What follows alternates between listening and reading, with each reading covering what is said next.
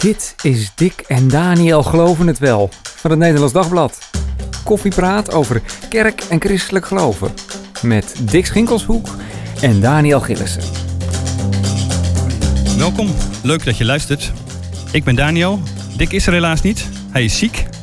Wetenschap uh, Dick, volgende week uh, ben je hopelijk weer van de partij.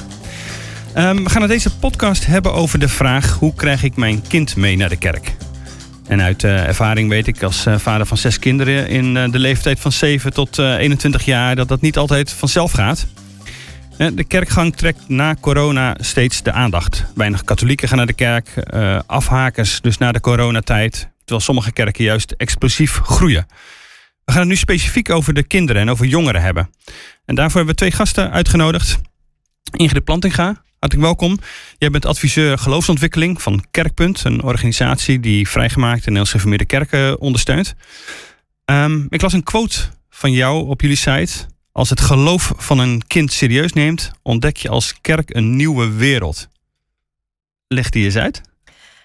Ja, dat heeft te maken met dat de kerk eigenlijk best wel een volwassen aangelegenheid geworden is. Waar we alle kinderen lekker weggebonjourd hebben naar hun eigen programma. Hmm, kindernevendienst en dergelijke. Ja, precies. Ja, ja. En, uh, soms zelfs tienerdienst ja. of wat dan ook. Maar ik denk juist als je de wereld van het kind gaat ontdekken, de geloofswereld van het kind, dat je daar als volwassene ook echt nou, verwonderd bij staat te kijken. Over die geloofswereld gaan we het inderdaad straks nog wel even hebben. Dan. Hoe denken kinderen dan of hoe geloven eh, kinderen? Uh, onze andere gast is Anne Sjouk Nijhoff van uh, Expeditie 360. Ja, geloofsopvoeding in de wereld van je kind is jullie uh, payoff, zag ik. heb jij zelf gestrukkeld met kinderen en kerk? Zeker. Je kent niet die strijd uh, voordat je zondag naar de kerk gaat om iedereen uh, aangekleed en uh, mee te krijgen. En ook wel, want ik heb geen zin. En ja. ja. dat kennen we ook. Al moet ik zeggen, ze zijn altijd nog wel mee geweest, ook als tiener en als jongere. Ja. Dus nou ja, maar. Het is, het is je gelukt, zou ik maar zeggen. nou, dat weet ik niet. In elk geval toen om ze inderdaad mee te krijgen. Ja. Nou, ook daarover gaan we praten. Hoe eh, iedereen herkent dat inderdaad, eh, die, die struggle. Hoe ga je daarmee om? En op welke manier ja, krijg je ze dan mee? En, wat, uh, en is het ook belangrijk om ze inderdaad mee te krijgen elke keer? Um, als ik al zei, we schrijven veel, ook als Nederlands Dagblad, uh, over uh, kerkgang. Als je daar meer over wil lezen, kun je op nd.nl kijken. En zeker als je die nog niet hebt, neem dan een digitaal abonnement voor 2 euro in de week. Je kunt er alles lezen en je steunt daarmee ook deze podcast. Goed.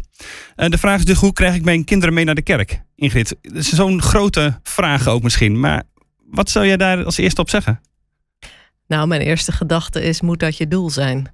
Uh, of je ze meekrijgt naar de kerk. Voor mij is uh, kerkgang een middel mm -hmm. waar ik gebruik van maak in de geloofsopvoeding. Maar mijn doel ligt hoger, zeg maar, dan dat. Dat ik hoop dat ze een relatie opbouwen met God.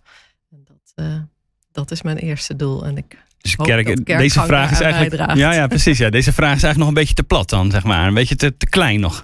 Nou, ik ben wel bang dat mensen dat te veel als een doel op zichzelf ja. gaan zien. Ja, als ze maar meegaan naar de kerk, dan komt het wel goed. Ja. Want ik denk, ja, dat, dat ene uurtje in de week, ik vind het mooi, ik vind het belangrijk, maar het is niet hetgeen waar het om draait of het enige waar het gebeurt. Nee.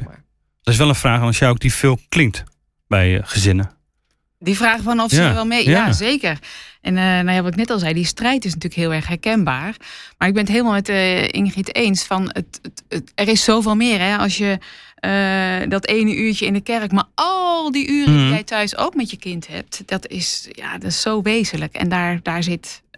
Nou, het heeft allebei absoluut waarde en een verschillende rol. Mm. Maar het gaat om meer dan dat. Dus, ja, precies. Meestal soms zelfs een beetje te veel focus dan op juist kerkgang? Of is dat een soort uiting zeg maar van, oh ja, dan laten we zien in elk geval dat geloof belangrijk is, want we gaan naar de kerk? Nou, ik, ik geloof heel erg in gewoontes en rituelen. Ja. En, de, en de, de kerkgang kan een hele goede gewoonte zijn, die ook heel erg toevoegt aan, aan, het geloof wat je aan je kinderen wil doorgeven. Absoluut. Ja. Dus het is, het is ook een belangrijke, grote gewoonte, wat heel veel waarde heeft. Ja. En waar je dus inderdaad ook wel belangrijk is om aandacht voor te hebben, maar kijk ook veel breder dan die kerkgang. Ja. En wat is dan, als je breder even kijkt, we dan eerst even uitzoomen voordat we weer verder naar die, die kerkgang gaan. Wat zijn dan dingen, Ingrid, waar je zegt, uh, als ouders, uh, als gezin, kijk ook daarnaar als je met kinderen en geloof bezig bent? Ik denk het belangrijkste is de verbinding tussen God en het dagelijks leven. Dat kinderen, tieners en jongeren ontdekken dat God een plek heeft in hun dagelijks leven. Dat geloof verweven is met alles wat zij meemaken, met pestgedrag, met uh, toetsen die uh, niet gehaald zijn, met uh, sportwedstrijden. Met dat geloof allemaal verbonden is met al die dagelijkse dingen van hun gewone normale leven. Want daar is ten diepste waar God aanwezig wil zijn in hun leven. En daar is waar geloof ontstaat, denk ik. En hoe doe je dat dan bijvoorbeeld als het om een sportwedstrijd gaat? Hoe haal, hoe, ja, hoe haal je daar God bij? Is dan een, uh, dat bedoel ik niet plat, maar hoe, hoe verbind je dat aan God dan? Nou ja, daar haal ik God ook wel bij. Bijvoorbeeld eh, door uh, na een uh, leuke wedstrijd ook te danken voor het mooie teamgevoel en voor nou ja, de, de, de, dat eruit kwam wat er in je zit. Of juist na verlies. Van nou ja, ook over is het gesprek aan te gaan van hoe ga je met verlies om. En met Jezus die zegt van het is beter om je leven te verliezen dan te winnen. Uh, hey, wat heeft dat te maken met jouw gevoel van verlies nu? Nou, zo nou kun je een heleboel Geestelijke lessen die in een voetbalwedstrijd zitten. Ja, zeker. ja. In mijn geval basketbal. Maar... Ja, precies. Ja, ik, ik zit helemaal in die voetbalwereld. Dus dan krijg je dat je meteen denkt als het over wedstrijden gaat dat het voetbal is. Maar precies, uh, sportwedstrijden. Ja. Dan kun je dan, dan dat soort linken wel uh, leggen en zorgen dat het ook het gewone leven, steeds met het gewone leven te maken heeft. Ja, ik denk dat dat heel belangrijk is dat uh, een kind en jongere ontdekt dat God daar aanwezig is. Want als hij daar niet is, dan wordt geloven iets van de zondagochtend of van het moment dat je de Bijbel open doet. Maar dan is de relevantie voor je dagelijks leven eigenlijk weg. En dat zou mhm. heel jammer zijn.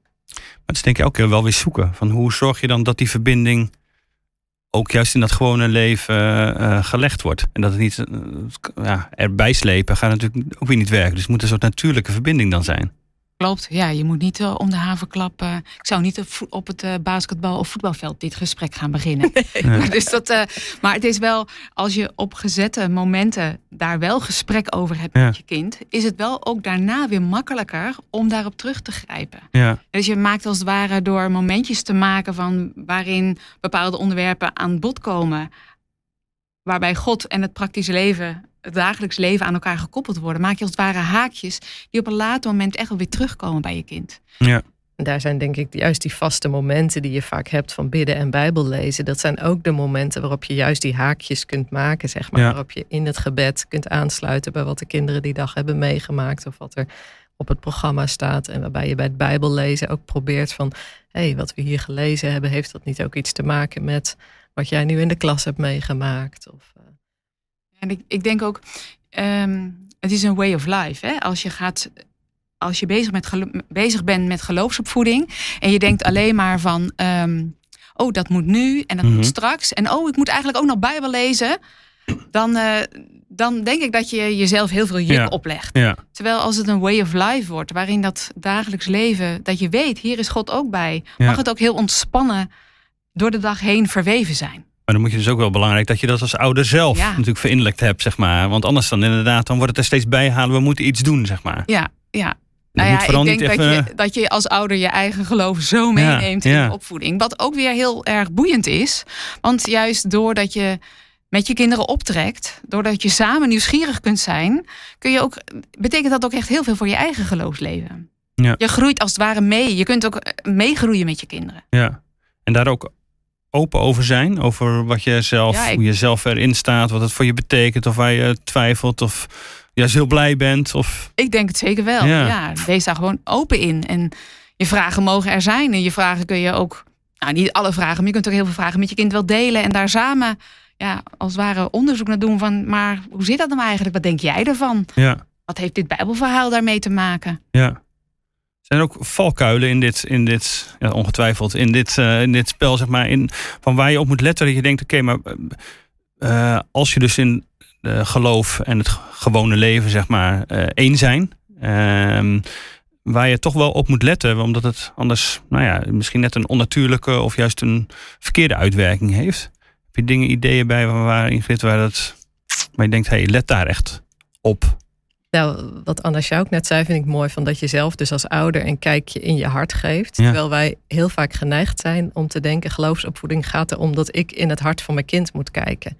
Maar leg die regie ook bij dat kind en ga zelf niet preken, maar getuigen. Laat je kind jou bevragen. Laat je oh kind zelf kijken bij jou van hé, hey, maar wat, wat leeft daar aan, aan falen, aan zonde, aan gebrokenheid, aan twijfels, aan mooie momenten, aan dankbaarheid, aan vreugde.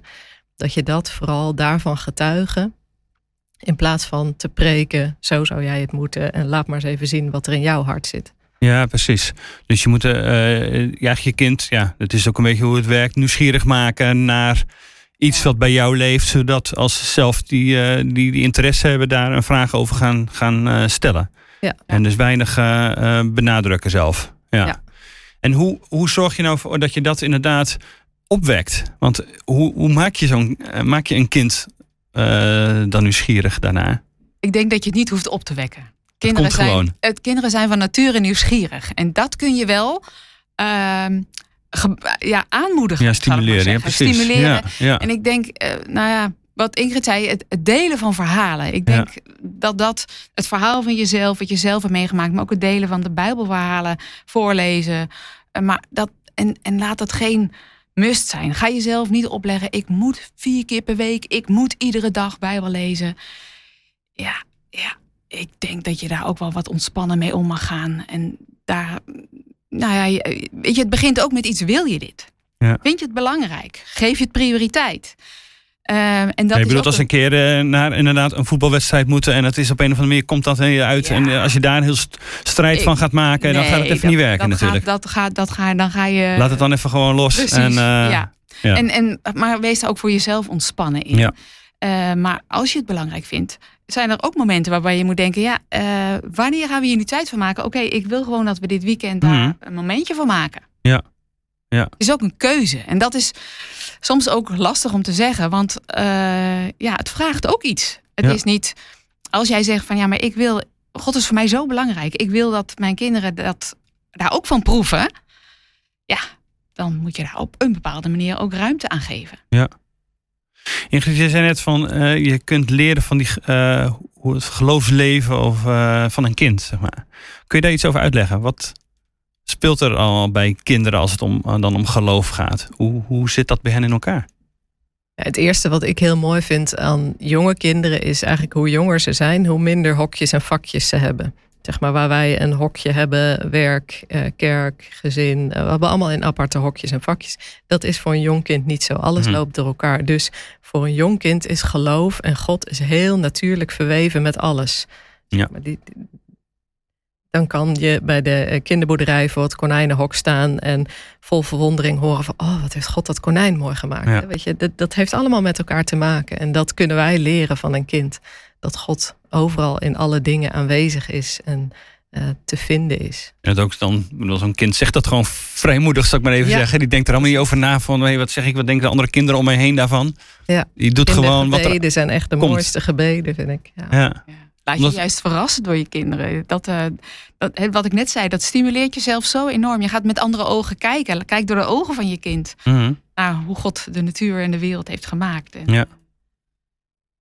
En, en uh, want als al vrij snel komt zo'n omgeving, gaat toch een rol spelen natuurlijk. Dat een kind inderdaad wat minder open en vrij wordt. Omdat het denkt, oh ja, ik ben ergens om uitgelachen. Of uh, iemand keek verbaasd of snapt het niet. Of een uh, ouder zegt een keer, hou je mond. En vervolgens denk je dat het overal in mond moet houden. Hoe, hoe ja, krijg je dat kan je bijna niet goed doen. Als ouder. Ja? Het is ook een ingewikkeld. soms kan het ook heel lastig zijn, ja. tegelijk denk ik, creëer een, een, een veilige sfeer. En die begint echt al heel jong. Dat begint niet als ze tien zijn. Maar waarin je. En een, en een gewoonte waarin je met elkaar wel dingen open kunt bespreken. Ja. Kaart dingen wel aan. Vraag ernaar. En ja, dat heeft ook alles te maken met timing. Ja. Dus met name die open, veilige sfeer als een way of life in je gezin. Ik denk dat dat een hele belangrijke basis is.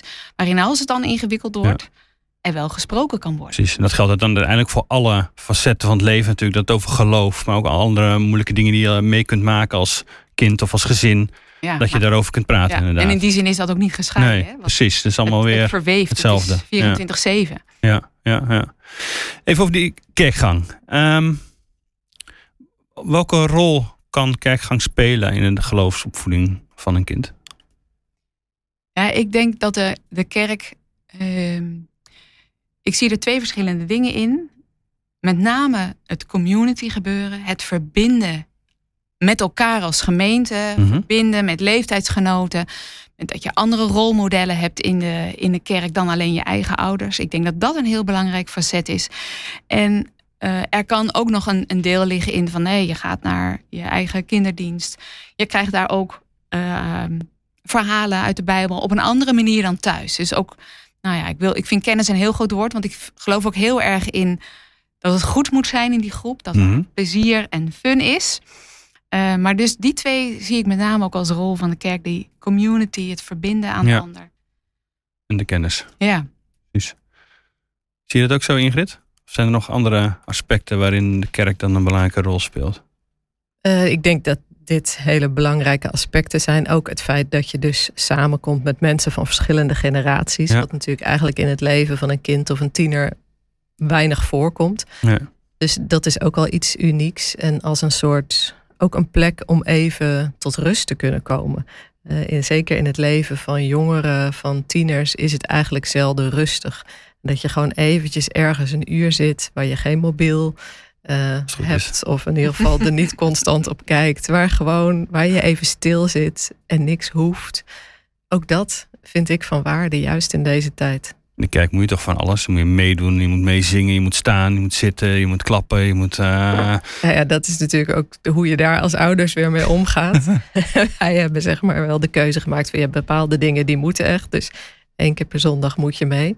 Maar je hoeft niet mee te zingen van mij. Want ah, dat, nee, en dat doen ze dan ook niet. Mijn tieners die... Uh, enkele keer als ze een liedje heel leuk vinden. Maar, maar is dat lastig om ze dan daarin vrij te laten? Je kunt ook denken, ja, je bent hier, dus dan doe je mee met hoe het hier gaat.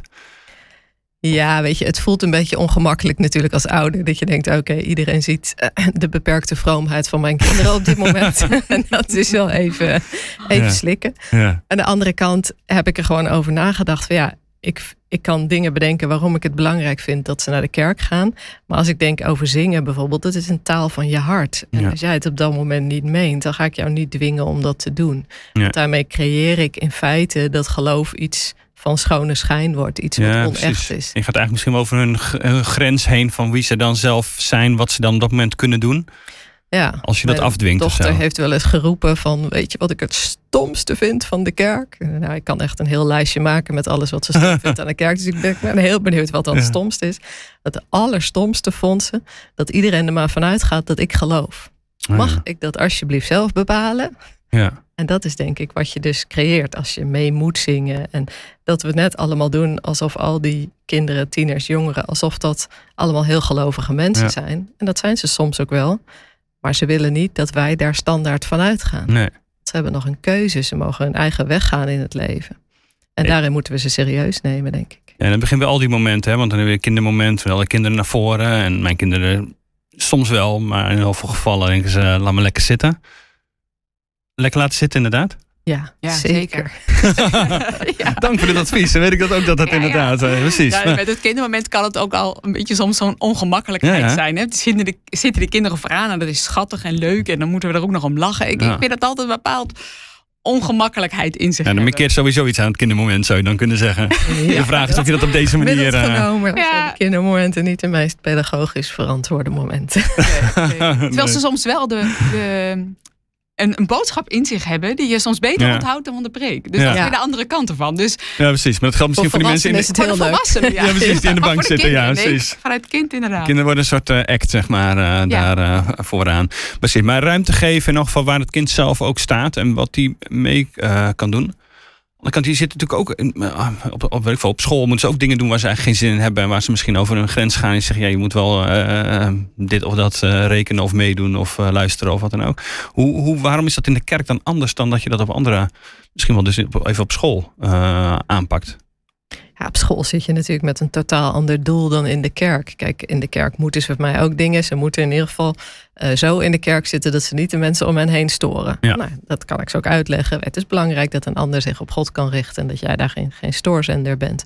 Nee, weet je, daar, daar zit een reden achter. Maar ik vind voor alles wat je, elke regel die je stelt, zeker als je kinderen ouder wordt, mm worden, dan uh, is het gewoon een kwestie van choose your battles. En dan is het gewoon heel belangrijk om na te denken over Waarom stel ik deze regel? Sta ik daarachter? Vind ik dit van waarde? Ja, dan ga ik ervoor. Is het niet zo heel belangrijk. Dan laat ik het lekker los. Want hoe ouder ze worden, hoe meer ruimte ze hem gewoon moeten krijgen om hun eigen weg te gaan. Ja. ja. Ik heb dat zelf wel. Ehm, in onze opvoeding vond ik het ook heel belangrijk dat kinderen zelf hun eigen verantwoordelijkheid nemen. En dat, dat geeft ook hier een bepaald spanningsveld. Hè? Want je wil ze, zij gaan hun eigen weg. Ook samen met God. En dat kun je heel lang, ga je met hen oplopen. Totdat ze een leeftijd bereiken dat je, zij ook echt hun eigen relatie met God moeten gaan bouwen. Dat kun jij niet voor hen doen. Dus dat is iets van loslaten. En als ze dan bepaalde dingen zelf belangrijk vinden en je wil ze verantwoordelijkheid geven, dan kom je op zo'n uh, ja, een spanningsveld. Mhm. Van ja, blijf ik hier nu bij mijn regel waar ik goed over heb nagedacht? Of is dit iets waarvan je zegt van nou, ik beweeg ook met jou mee. Want jij hebt hier deze, deze argumenten. Hè? Het gaat dus weer over het gesprek met elkaar. Mhm. En, en, en op een gegeven moment, als je, en dan denk ik aan een leeftijd van 17, 18, komt daar natuurlijk een andere balans in. Dan zou je ook met hen, en misschien al wel veel eerder, hè, dat hangt ook heel erg van je kind af, maar dan zou je ook met hen moeten meebewegen daarin. Ja. En wat zou dan, is er een soort, er is dus gewoon geen basisregel natuurlijk precies te zeggen, oké, doe uh, dit wat je, kun je een kind wel, dan maar zeggen, opleggen of van een kind vragen en andere dingen niet. Het hangt inderdaad hoe dat kind in elkaar zit waarschijnlijk af en hoe je er zelf als, als ouder in staat. Maar belangrijk is wel, je zeggen van leg het dus niet van alles op dat het helemaal in alles mee moet doen als het om die uh, kerk uh, gaat, maar geef daarin ruimte om zelf te beslissen, te ademen, te kijken wat wel en niet goed voelt. En het begint eigenlijk al dus jong. Hè? Mijn zoon van zeven die wil niet naar die kindernevendienst, die wil gewoon bij mij blijven zitten. Zo een had ik er ook. Ja, die hield niet van knippen en plakken. Dus die, uh... Nee, ze kent hij de andere kindjes niet. En weet ik veel, heeft hij even geen, helemaal geen zin in. Uh, nou, uh, logisch zeg ik dan op zich om blijf lekker bij mij zitten. Maar daar maar... noem je wel iets heel belangrijks, hè? Want hij kent die andere kinderen niet. Ja, ja, dat is de community waar je net. Ja, ja. want daar, um, als ik kijk naar onze kinderen toen die die leeftijd hadden, ja.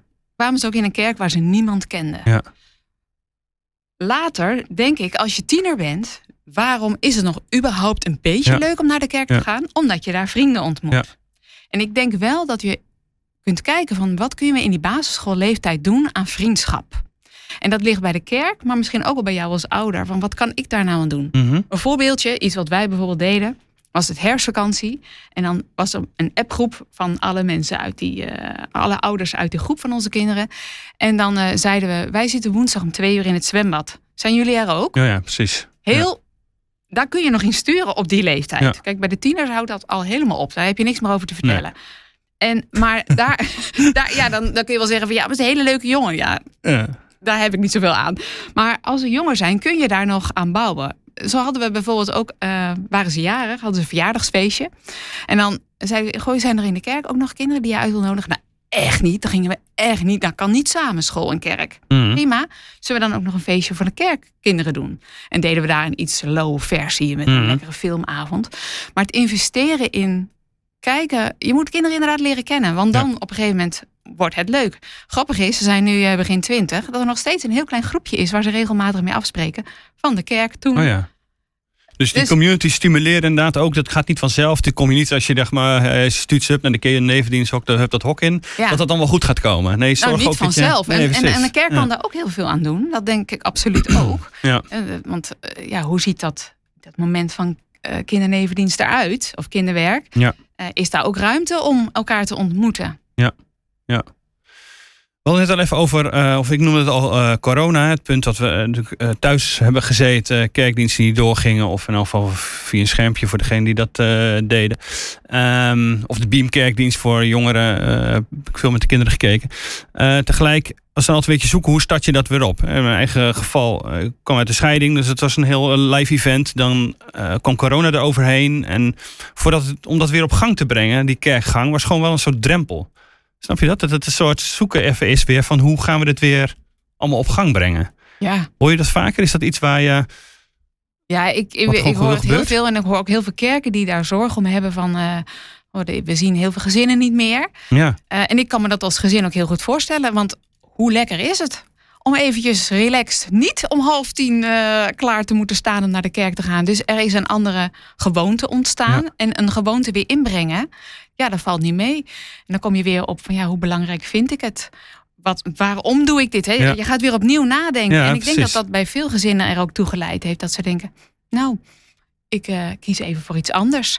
En zodra ook je kinderen daar dan ruimte in proeven. ja, dan is het een nog ingewikkeldere klus om ze allemaal weer mee te krijgen. Ja, ik dacht wel even, hoe langer ik wacht, hoe moeilijker het natuurlijk weer gaat, uh, gaat worden. Ja. Dus nu is het gewoon weer om de, om de week zijn ze bij mij en is het gewoon weer op om tien uur zitten we in de kerk. Ja. Uh, en dat gaat, uh, gaat goed, maar het is tegelijk wel, wel zoeken van hoe, hoe bouw je dan gewoon weer een hele steady kerkgang en betrokkenheid op de kerk. En in alles gewoon wat er überhaupt, hè, het hele leven wat dan, wat dan draait.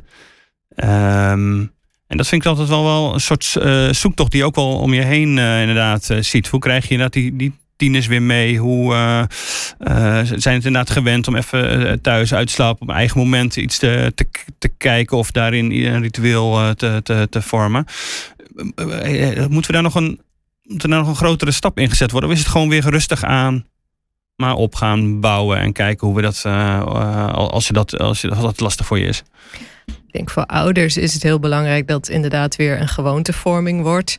Uh, dat het gewoon, ja, je moet weer een nieuwe gewoonte ervan maken. Maar dus ook het moment aangrijpen om ook met je kinderen weer te praten over waarom wil ik dit eigenlijk weer. Het is gewoon als ze zeggen, ja, dag, we zijn al die tijd niet geweest, ik ga echt niet mee. Nou, dat is ook een aanleiding om eens te praten over, hé, hey, maar wat voor waarden zie ik in de kerk en wat mis jij dan? Om daar gewoon eens over in gesprek te gaan. En misschien ook dat de kerk dingen kan gaan veranderen, dingen anders kan gaan doen. Uh, we hadden daar straks al even over hoe belangrijk het is dat er een koppeling is tussen geloof en dagelijks leven. Ja, dat zou ook in de kerkdienst zo moeten zijn. Dat die preek en dat Bijbelgedeelte iets te maken heeft met hun leven. Dat er voorbeeldjes die verteld worden, dat er hen dat aanspreekt. Dat zij aangaan en denken: hé, mhm. hey, ja, dit gaat over mij. Hier kan ik wat mee de komende week of morgen als ik weer vroeg opsta. Ja. En dat is denk ik heel belangrijk. Muziekkeuze kan je natuurlijk rekening houden, maar ook juist heel bewust als kerk gaan vragen bij die tieners, die jongeren, die kinderen. Wat vinden jullie belangrijk? Wat wil je? Wat kun je zelf bijdragen? Waar zou jij iets willen betekenen? Ja. Om dat gesprek weer te gaan voeren als kerk is denk ik ook heel belangrijk. Ja, en ik denk dat je misschien als kerk ook nog wel een stapje verder kunt gaan. Want wij spreken ook heel veel kerken. We komen ook in veel mhm. kerken waar dit heel erg leeft. En dan hoor je kerken zeggen van, ja, maar hoe krijgen we die gezinnen weer in de kerk? Waarop wij dan zeggen, hoe krijg je die gezinnen weer bij God? En dat geeft een ander perspectief in het denken van, hoe kunnen we dingen anders doen? Want um, ja, daarin kun je bedenken van hoe ziet die, die, die, die preek en dergelijke eruit? Hoe kunnen we dat praktische leven eraan verbinden? Maar misschien zit het ook wel in een iets andere vorm.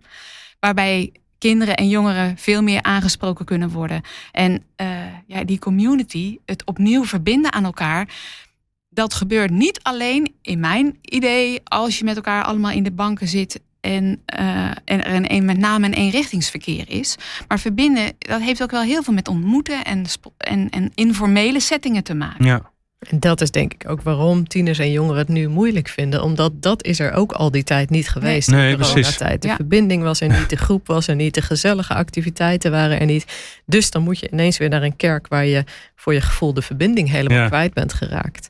En dat maakt het lastig. Dus ik denk inderdaad dat het heel belangrijk is om daar weer in te investeren. Ja. En zie je voorbeelden van waar dat inderdaad goed gaat? Of waar je dus inderdaad de kerk bepaalde ja, wij, activiteit heeft gedaan wat, wat, wat dan aanslaat of zo? Wij zijn nu met expeditie bezig met Expeditie on Tour. We zijn nu uh, nou, net afgelopen weekend gestart. En we hebben een heel aantal kerken waar wij met een on tour komen. Dat is een event voor gezinnen. En er zijn ook kerken die je meer intergenerationeel inzetten.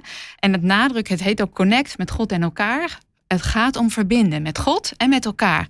Dus we eten met elkaar. Er zijn momenten waarop je met je eigen kind in gesprek gaat. Hè, ook weer over die mhm. way of life, omdat we gaan oefenen als het ware. En het is zo prachtig om te zien dat er dan inderdaad, als er dan gegeten is, dat je die mensen voor het laatste deel van het programma eigenlijk de kerk niet meer inkrijgt, want ze zijn met elkaar verbonden. en dat is precies, en de kinderen die hebben lol en plezier. En dat is precies wat je eigenlijk ook als kerk graag wil, dat dat weer, dat we elkaar weer zien. Het familiedag is dat. Ja, alleen iets korter.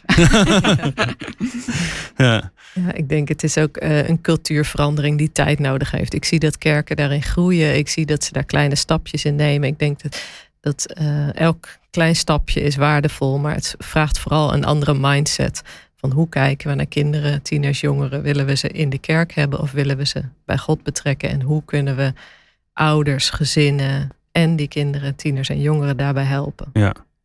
Dus veel meer inderdaad dat we door steeds zeggen: het gaat niet allemaal om van krijg je ze naar de kerk en gaan ze dan met alles meedoen. Maar voer dat gesprek en laat het vooral heel uh, um, compleet zijn, zeg maar. Dat het over het hele leven gaat. En zorg dat je daar uh, goede connectie met de kinderen over, over hebt. En laat daar het voorbeeld in, uh, in zijn. Het lijkt dat juist een, nog een soort grote opdracht. Hè? Je vindt het soort makkelijk, maar als ik ze maar mee naar de kerk krijg, dan, dan, dan, dan, dan heb ik het wel, zeg ja, maar. Ja, ja, dan heb ik in ieder geval gedaan wat ik kan, wat ik kan doen of zo. Dit is natuurlijk zo'n zo'n totale, zo'n, ja, het, hele, het omvat het hele leven dan. Ja. Waardoor je denkt, ja, waar begin ik dan aan? Ja. En het is juist ook de kunst, want ik proef al bij jou van, oh help, om die ontspannenheid daarin te houden, ook als ouder. Ik bedoel, als je kijkt in de Bijbel, wie God allemaal inzet, die ouders zijn waarvan je denkt, nou, die, uh, gelukkig gaat het dan bij mij nog ietsje beter. Maar dan denk ik, ja, God kan daar echt wel wat mee. Ja. God kan er juist wat mee, denk ik. Juist met klungelende, struikelende ouders die fouten maken. Want hoe hoger jij de drempel zet, hoe hoger het, ook hoe moeilijker het voor een kind wordt om te geloven. En juist als jij laat zien wat geloven is, al struikelend aan Gods hand door het leven gaan, dan wordt geloof alleen maar mooier. Van. Ja, dan maak je het niet allemaal groter en moeilijker en ingewikkelder en uh, onhaalbaarder. Maar je maakt het iets van nu en van het leven hier. ja. ja. ja. Even nog over de uh, uh, gezinnen. Want we hebben veel natuurlijk over eh, kinderen en met kinderen naar de kerk. een, een, een, kerk is natuurlijk heel. ja, we zeiden, het ging net al even over de preek bijvoorbeeld. die, die dominee voorganger die daar staat, die staat voor een enorme. hij heeft zij voor een enorme groep. Heel divers. richt de kerk zich. Sommigen zeggen wel, de kerk richt zich veel te veel op gezinnen. Het gaat altijd maar over dat, dat deel van de kerk. Zie je dat ook? Of is daar, ligt dat veel gecompliceerder? Um, ik zie dat wel, maar ik zie juist ook wel dat het een enorme struggle is om die gezinnen prioriteit te geven. Hmm. En um, ik zou dan zeggen, um, ik zou eerder zeggen, de hele gemeente is gezin. We hebben elkaar allemaal nodig. We hebben alle generaties nodig. En ik denk wel dat als je prioriteit geeft aan gezinnen, dat daar een, een energie en een werking van uitgaat die, waar de hele kerk baat bij heeft. We hebben de nieuwe ideeën van jongeren en de vragen van jongeren nodig om een goede invulling te geven aan die preek, waar die ouderen ook absoluut iets aan heeft. De, het, de inbreng van gezinnen kan zo'n input geven daar heeft iedereen iets aan. Ja. Dus het hoeft niet te betekenen dat je denkt, oké, de kerk richt zich wat, misschien wat meer op gezin of heeft daar, uh, maakt wat meer prioriteit van. Dan ben ik dus verder niet meer belangrijk. Want dat is natuurlijk ook wel wat je. Dat is iets wat je snel hoort. Ja, snel hoort, zeg maar. En dan worden toch weer in die segmenten opgedeeld. Maar ja, je uh, bent ouderen of je, bent, uh, je, je, hebt geen gezin of weet ik veel. allerlei versies die er zijn natuurlijk. En dat je weet je zoekt, maar ik voel me dan niet aangesproken voldoende als het dus te veel over die gezinnen gaat maar het moet ook niet over gezinnen gaan. Het, eh, maar kijk, even dat voorbeeldje van de basketbalwedstrijd. Zeg maar. Uh, als je een voorbeeldje gebruikt in een preek over een sportwedstrijd, dan kan een kind wat mee, dan kan een tiener wat mee. Maar dan kan ook een dertiger die single is en op zijn werk als een soort wedstrijd ziet, waar die constant de competitie moet aangaan met collega's, die kan daar ook iets mee. Ja.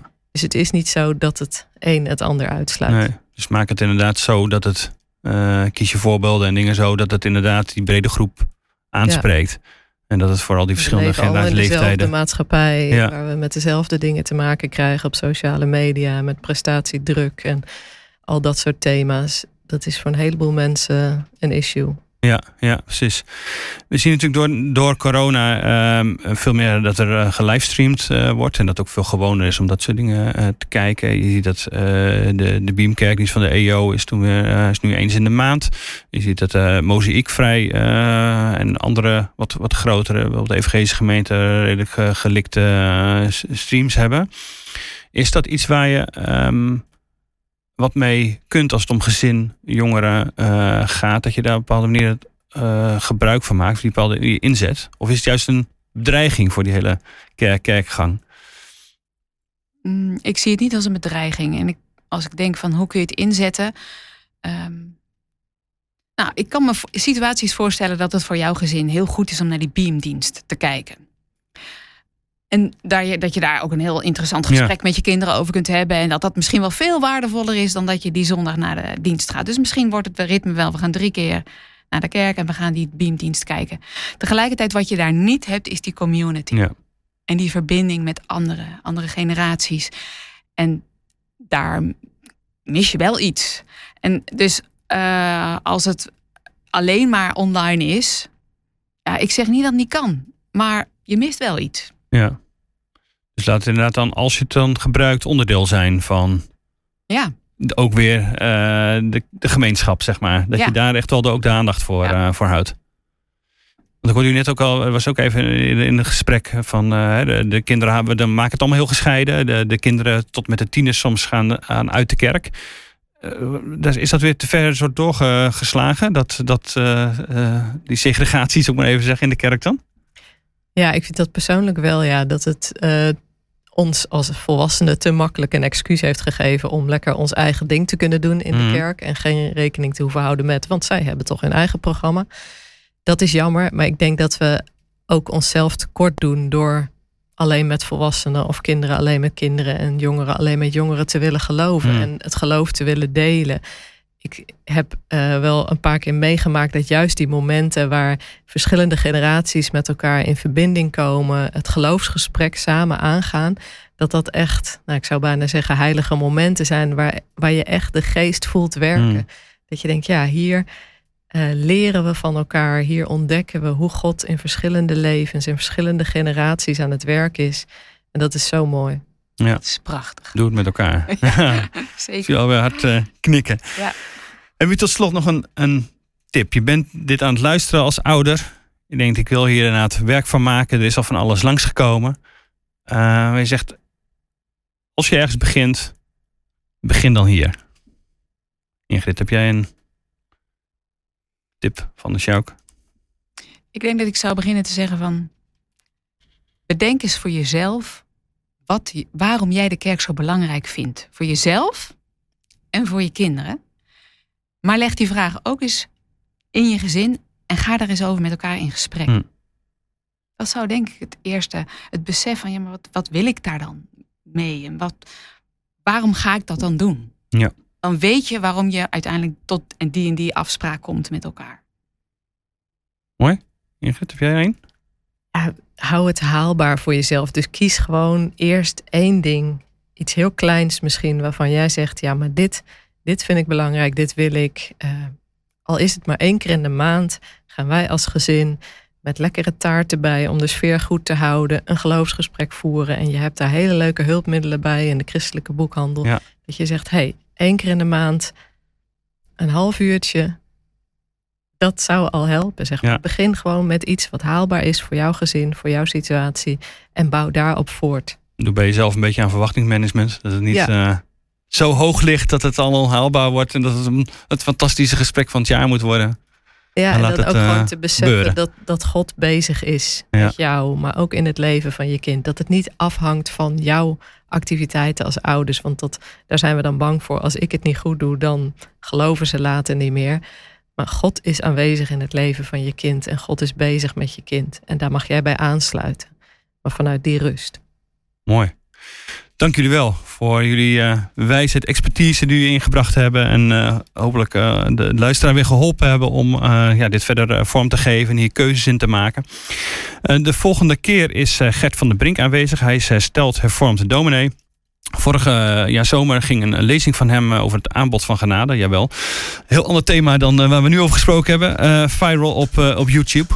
Ehm, en de hele behoudende reformatorische wereld stond op zijn kop. Nou, we gaan met Van der Brink daarover praten. Waarom hij vindt dat er een gevaarlijke dwaling in, in die reformatorische kerken is. En dat jongeren daarop aangesproken moeten worden. Geholpen moeten worden om, om daar de juiste keuzes in te maken. Hij heeft een boek geschreven. Ik hoop dat we met Dick met hem in gesprek kunnen. tot dan. Bedankt voor het luisteren.